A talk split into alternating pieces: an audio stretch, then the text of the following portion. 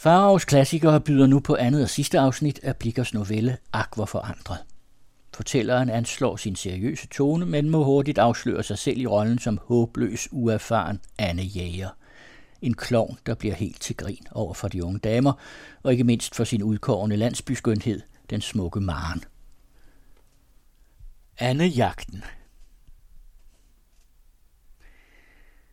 Længe stod det på, inden jeg kunne blive enig med mig selv om stilen, hvor i dette vigtige og indholdsrige kapitel skulle skrives. Den heroiske var emnet værdig, men den falder mig rent ud sagt noget besværligt. Den blot historiske synes mig vel tør. Til med så jeg mig forgæves om efter forgængere på denne sumpige vej. nok har en af vores digter engang spist andesteg. Det er endnu uafgjort, om det har været tamme eller vilde ender, jeg antager det sidste, til sin frokost, samt gået med vandstøvler. Men det er alt sammen endnu ingen anden jagt. Kort, alle mine hjælpekilder bestod i mundtlige traditioner, samt min egen korte erfaring. Disse får jeg da afbenyttet så godt jeg kan. Middagssolen skinnede allerede på Sviumgårds sø, da vi jægere, alle velbestøvlede og velbevæbnede, forsamledes og ved en middagsmæssig frokost, déjeuner dinatoire, stræbte af hærte og styrke os mod vandets indflydelse. Måltidet oplivedes ved hjemmelavet dansk whisky og krydredes ved interessante fortællinger om forrige bedrifter, under hvilke den ene jæger søgte at overgå den anden i dristige fiktioner. Her var jeg som uerfaren rent til års. Ja, desværre høstede jeg ikke den fuldkommende nytte af slig lærerig samtale, da mange udtryk og vendinger var mig dunkle og mystiske, om hvis betydning jeg siden efter ganske hemmeligt, for at røbe min uvidenhed, lod mig undervise af min ven, den unge Rurikulus. Nu gik toget for sig, hvor hvert kammerråds firum var anfører og satte af, hvilket er det samme som at sætte på post. I søen var han nemlig gennem siv og rør fra landet og lige ud til det åbne vand udhuggede gange eller glimer, for her at kunne se og skyde inderne, når de forfulgte sig hundene. For inden af en sådan gang, og det er netop den aller sidste, fik jeg mit stade.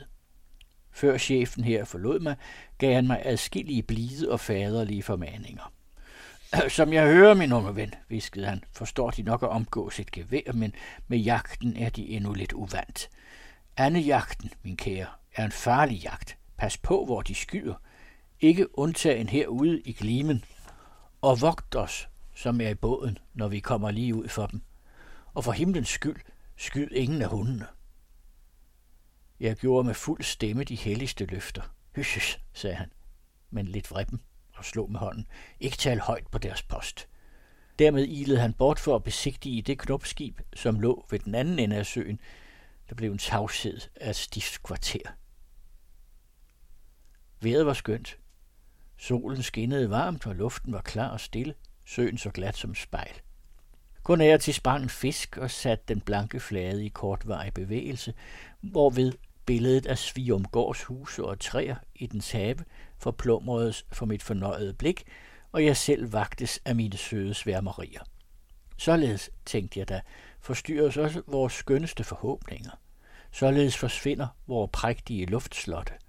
Således omskiftes den første stille rene kærlighed med lidenskabens uro. Men det dur ikke at være sentimentalsk på anden jagt. Jeg stræbte at forjages lige her så upassende tanker og henvende hele min opmærksomhed på dagens gerning og de pligter, jeg nu havde at opfylde. Ikke fordi jeg troede dem så så vanskelige, de endnu havde jeg hverken set eller hørt en eneste and, og var nær ved at anse den hele jagt for en blot manøvre, et spilfægteri. Jeg tog mærkelig en fejl. Jeg stod just meget inkommoderet af myg og fluer, hvilke næsvise gæster jeg næppetur fordriste mig til med hånden af bortjag, så formidlst de erholdte formaninger, som fordi min sidemand, den gamle herr Rurikulus, ved enhver af mine armbevægelser rystede misbeligende med hovedet og udvislede et langt, men dæmpet hys gennem tænderne.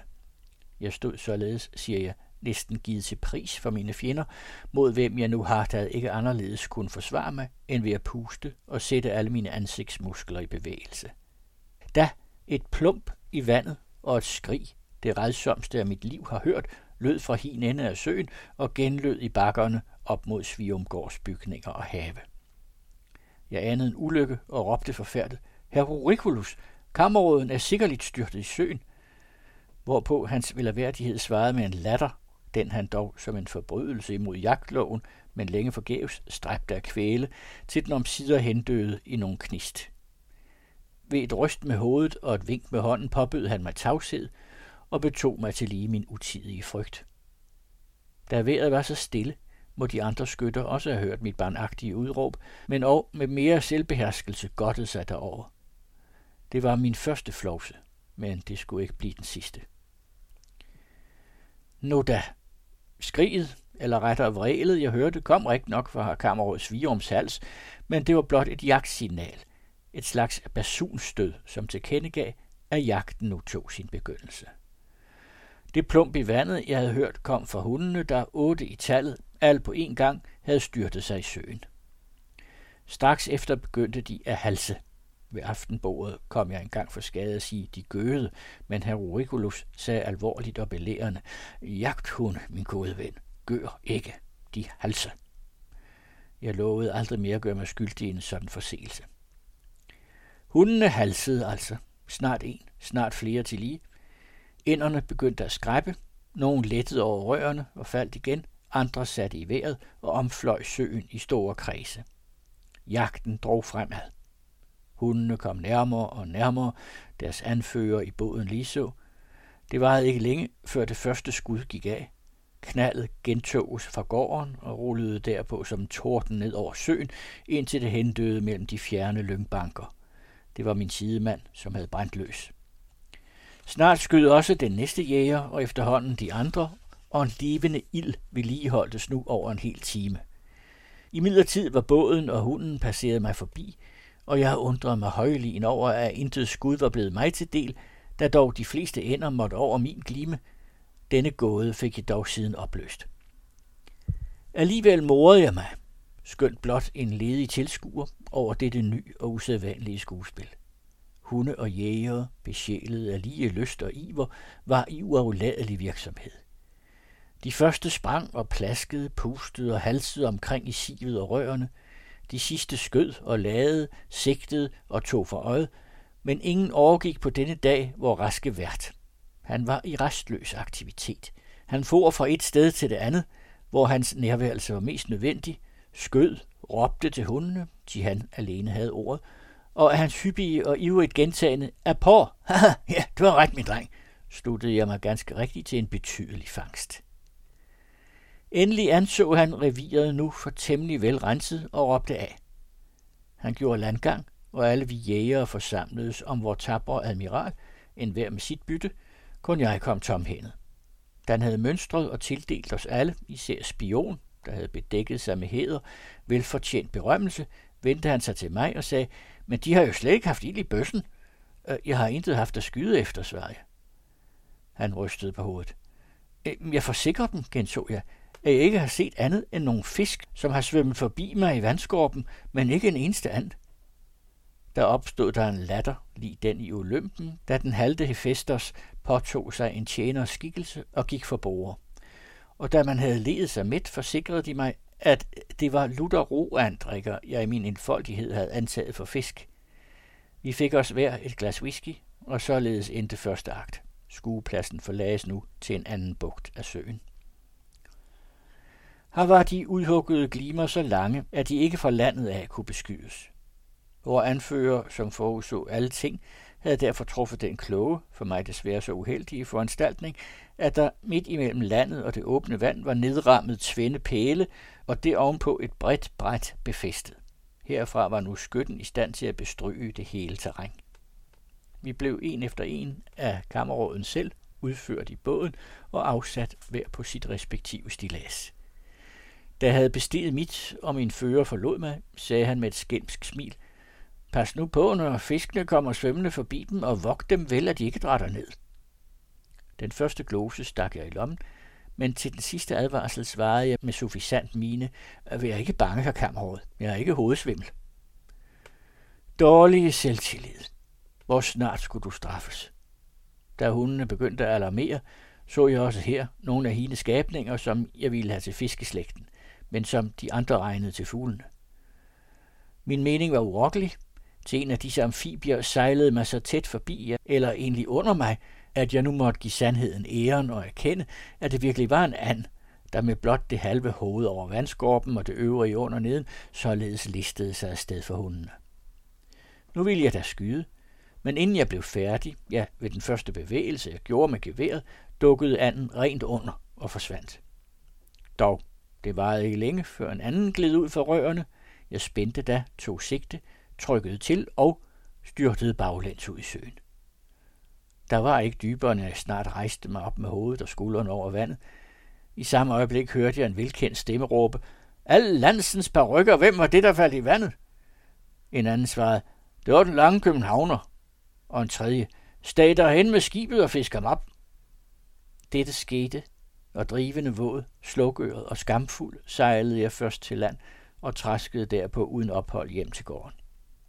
Kammerråden, der landsatte mig, beklagede, men med indeklemt latter, mit uheld, og bød mig henvende mig til hans kone, som nok ville skaffe mig tørre klæder. Min ven Hans Mikkel ledsagede mig, og de øvrige fortsatte efter denne korte afbrydelse jagten, der nu for mig havde tabt al sin tillokkelse.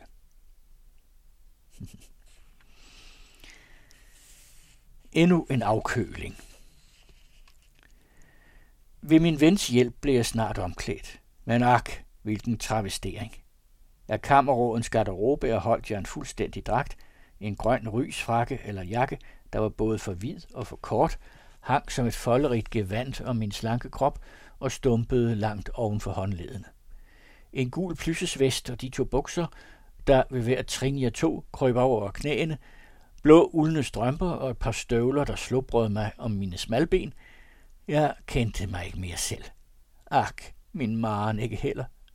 Nek mirum, det betyder og intet under, til hvilken afskyelig modsætning til en moderne sort kjole, broderet silkevest, gule nankingspantalon og dito gamasher. Nej, jeg tager ikke fejl, når jeg tilskriver denne formaledide påklædning min efterfølgende ulykke. Den totale forandring i den dejlige jomfru Lammestrups forhen så gunstige stemning. Havde jeg endda vidst, at hun, min sjæls tilbede, var på gården, i sandhed. Jeg var forbleven i mit ensomme værelse, til mine klæder var tørret, men skæbnen, den ubøjelige skæbne, der nu i et halvt sekulum har gjort mig til genstand for sine kapriser, havde besluttet anderledes. Men spøj på læberne over mit eget komiske udseende trådte jeg ind i dagligstuen, hvor jeg alene ventede at forfinde husets værtinde, men øh, værelset var fuldt af damer, og mit indfald var overflødet, til latteren kom af sig selv. Dog deri skulle jeg ikke alene fundet mig, men også taget hjertelig del, hvis ikke hun, hun, for hvem jeg helst viste mig i edel og kostyme, havde været til stede. Hun trådte først frem, gjorde et dybt kniks, titulerede mig herr Kammerråd og spurgte efter mit befindende oven på den hede nat og det kolde bad. Læseren må for alting ikke tro, at det var hendes hensigt at rariere mig. Ingen lunde. Det var snarere en maske, hun tog for at skjule sine virkelige følelser. Til endnu gennem den overgivende latter hørte jeg, måske også jeg alene, hjertets umiskendelige stemme. Da et kvarters tid havde tjent til mål for alle skælmske pigers vidighedspile, fik jeg pludselig en idé, som min onde genius ufejlbarlig må have indskudt mig. Jeg foreslog nemlig det kvindelige selskab at profitere af det smukke vejr og til lige at være tilskuere ved jagten, der endnu, som vi hørte af de jævnlige skud, var i fuld gang. Mit uheldige forslag blev antaget. Vi gik, jeg gik, min undergang i møde. Nærmere ved søen og jagtreviret midt ude i engen var en høj, som jeg valgte til standpunkt. For at nå denne måtte vi passere en lille bæk over samme lå et gangtræ, men uden rækværk. Ja, min ven Hans Mikkel var allerede vendt tilbage for at varetage sine pligter i søen, passerede derover som ingenting, men da damerne skulle afsted, påkom dem alle en frygt, og ingen ville være den første. En lille nysselig fod efter den anden blev strakt ud på træet og lige så hastigt trukket tilbage. Man skreg, man lå, men kom ikke en fodspred videre. Der var det, at en dæmon der viskede til mig, bær dem over, så får du med det samme den elskede i dine arme. Mit uskyldige hjerte hoppede af glæde. Jeg gjorde mit tilbud, Det blev antaget. Alligevel, da jeg kom over til dem og udstrakte mine længselsfulde arme, ville er der ingen være den første, som betroede sig til dem. Den ene ville hellere end gerne overlade den anden æren. Til sidst nærmede sig den raske jomfru Lammestrup og sagde med et hulsaligt smil, Jeg vil prøve det, men tab mig ikke i vandet, og husk på, at de engang i dag har været i bad. Fuld af dårlig selvtillid forsikrede jeg hende, at hun intet havde at befrygte, løftede hende op og satte hende på min arm. Mig rand da i hu Hakon Jarls ord, hvad tykkes dig om sædet, etc. Men jeg sagde intet, for jeg følte alt for meget. Hendes arm lå som en fjer, eller som et varmt strygejern, eller som en elektrisermaskine på min nakke. Jeg var særlig, ej aleneste, over vand, men gennem vand, tænkte jeg, arme dår, vil jeg således gå min ganske levetid. Det var rigtigt. Begyndelsen blev gjort, og derved skulle det også blive. Ha! Ti folk formalidiet være den skrædder, som syede kammerets virumsbukser, til det var dem, der strammede mig over mine knæ og gjorde mig ganske usikker. Læser, le ikke. Din latter er ubarmhjertig, syndig.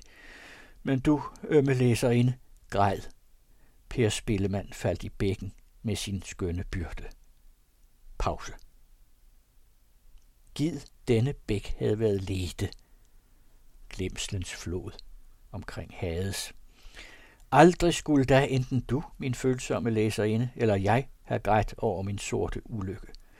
Ja, sort. Ti i bækken var der mere mudder end vand.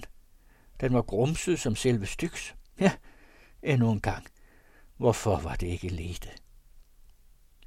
Spørg mig ikke med lidende læser, hvorledes vi kom op igen. Hvad jeg sagde, hvad hun sagde, hvor højt hun skreg, hvor højt de andre skreg, hvor lunde vi kom hjem og deslige. Jeg ved intet af det alt sammen. Jeg hørte intet, så intet. Jeg var i en slags drømmende tilstand, og vågnede først rigtig op ved det udråb. Kammerårets Svirum, der har deres gule plyssesbukser også fået al landsens ulykker. Ved disse ord stak jeg mekanisk hovedet frem og ud af sengen, hvor i jeg lå. Der stod hele jagtpersonalet. Hvad fanden med bukserne? optager Lamstrup. Det er værd med Maren. Hvordan tænker I, hun har set ud? Lever hun? spurgte jeg ængstelig. Er hun uden far? Og vil hun tilgive mig ulyksalige? Bagefter, svarede han, har vi godt ved at grine. Hun og de andre tøser sidder nu derude og skvalder og gør sig lystige over visse folk, der falder over deres egen ben. Det det sidste sagde han med et maliciøst grin. Men jeg vendte mig lige en døende om til væggen og sukkede med digteren. Imellem os er alle bånd opløste. Med evigt brændemærke står jeg nu. Og aldrig kan jeg denne plet aftvætte. En ting, jeg kun vil råde eder til, og hver som sin forstand sit liv har kær. Lad ingen dødelig formaste sig til fod at sætte på det helvedes gang træ. Lad det jo før jo hellere kaste af. Det er forpestet. Al landsens barykker, viskede hans velværdighed. Han snakker over sig. Han gør vers. Bliv du hos ham, Hans Mikkel, og lad vi andre gå ned og få os en lille knægt. Ud listede sig alle jægerne og overlod mig til min grænseløse jammer. Tredje dagen derefter gyngede min ven og jeg på Kattegattes bølger. 20 år derefter. Ved enden af denne min fortælling vil jeg nu henvise til begyndelsen, hvor jeg sagde, at jeg efter min Københavns rejse gjorde en udflugt til Vendsyssel. Her leveres resultatet af samme. På min gule nordbakke skred jeg fra Sundby henad mod skuepladsen for hine min ungdoms mærkelige eventyr. Mine ben var endnu ikke blevet kortere, og derfor kunne jeg i de dybe hjulspor med støvlenæserne mageligt skumme dukken af græsset og stundom understøtte hestens vaklende gang.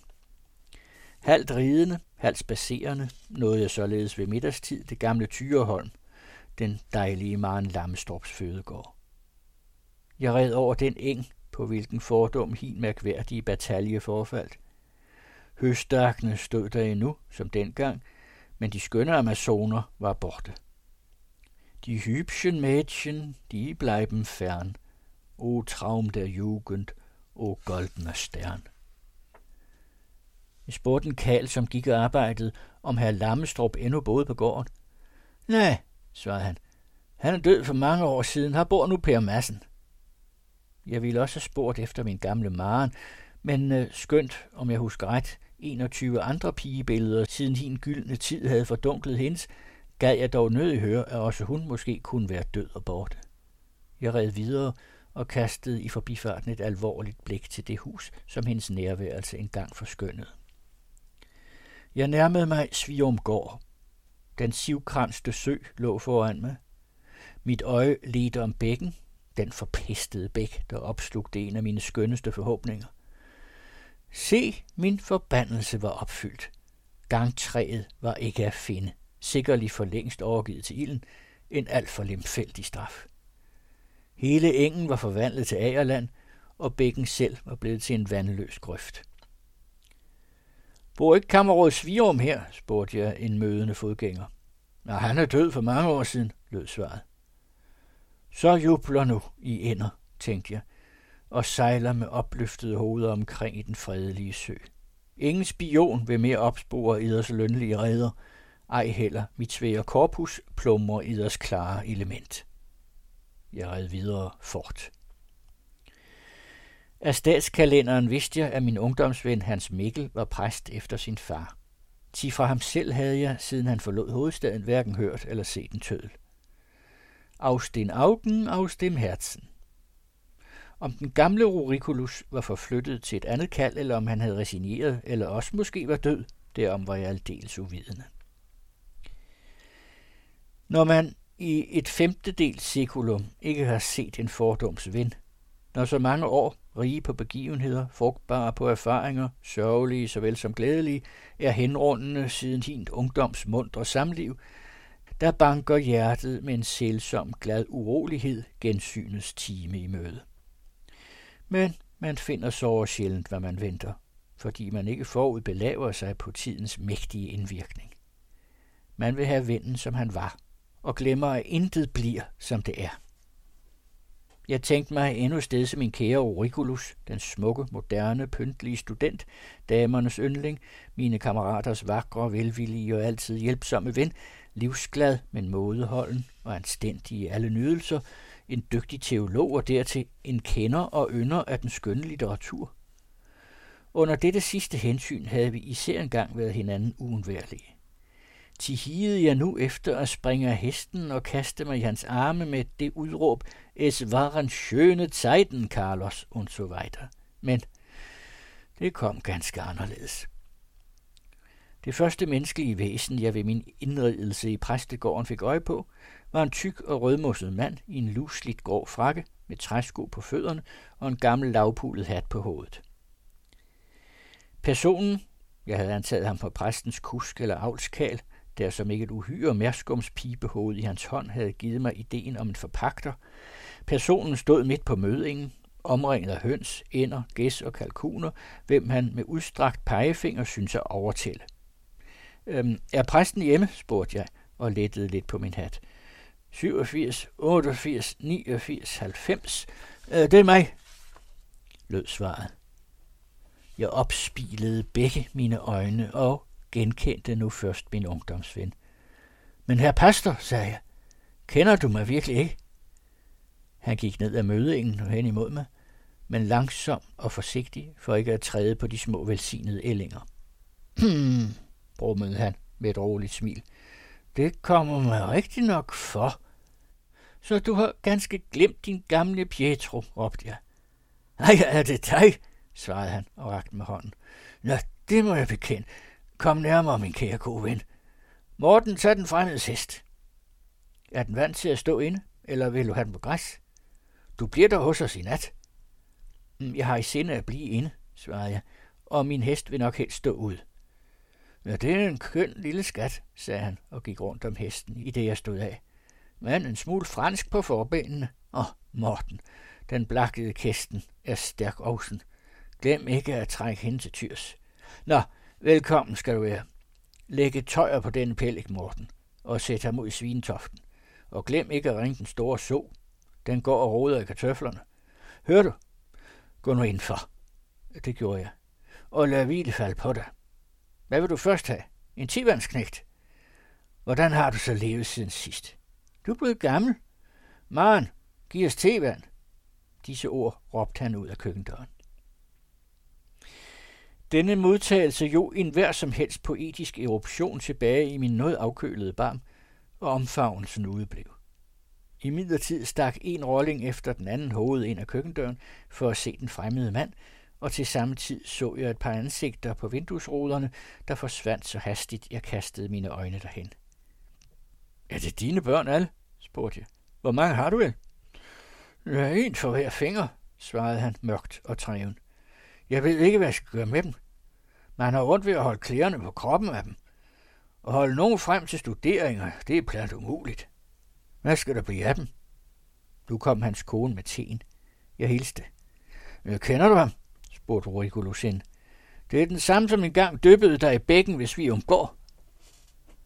Ja, i sandhed. Det var hende.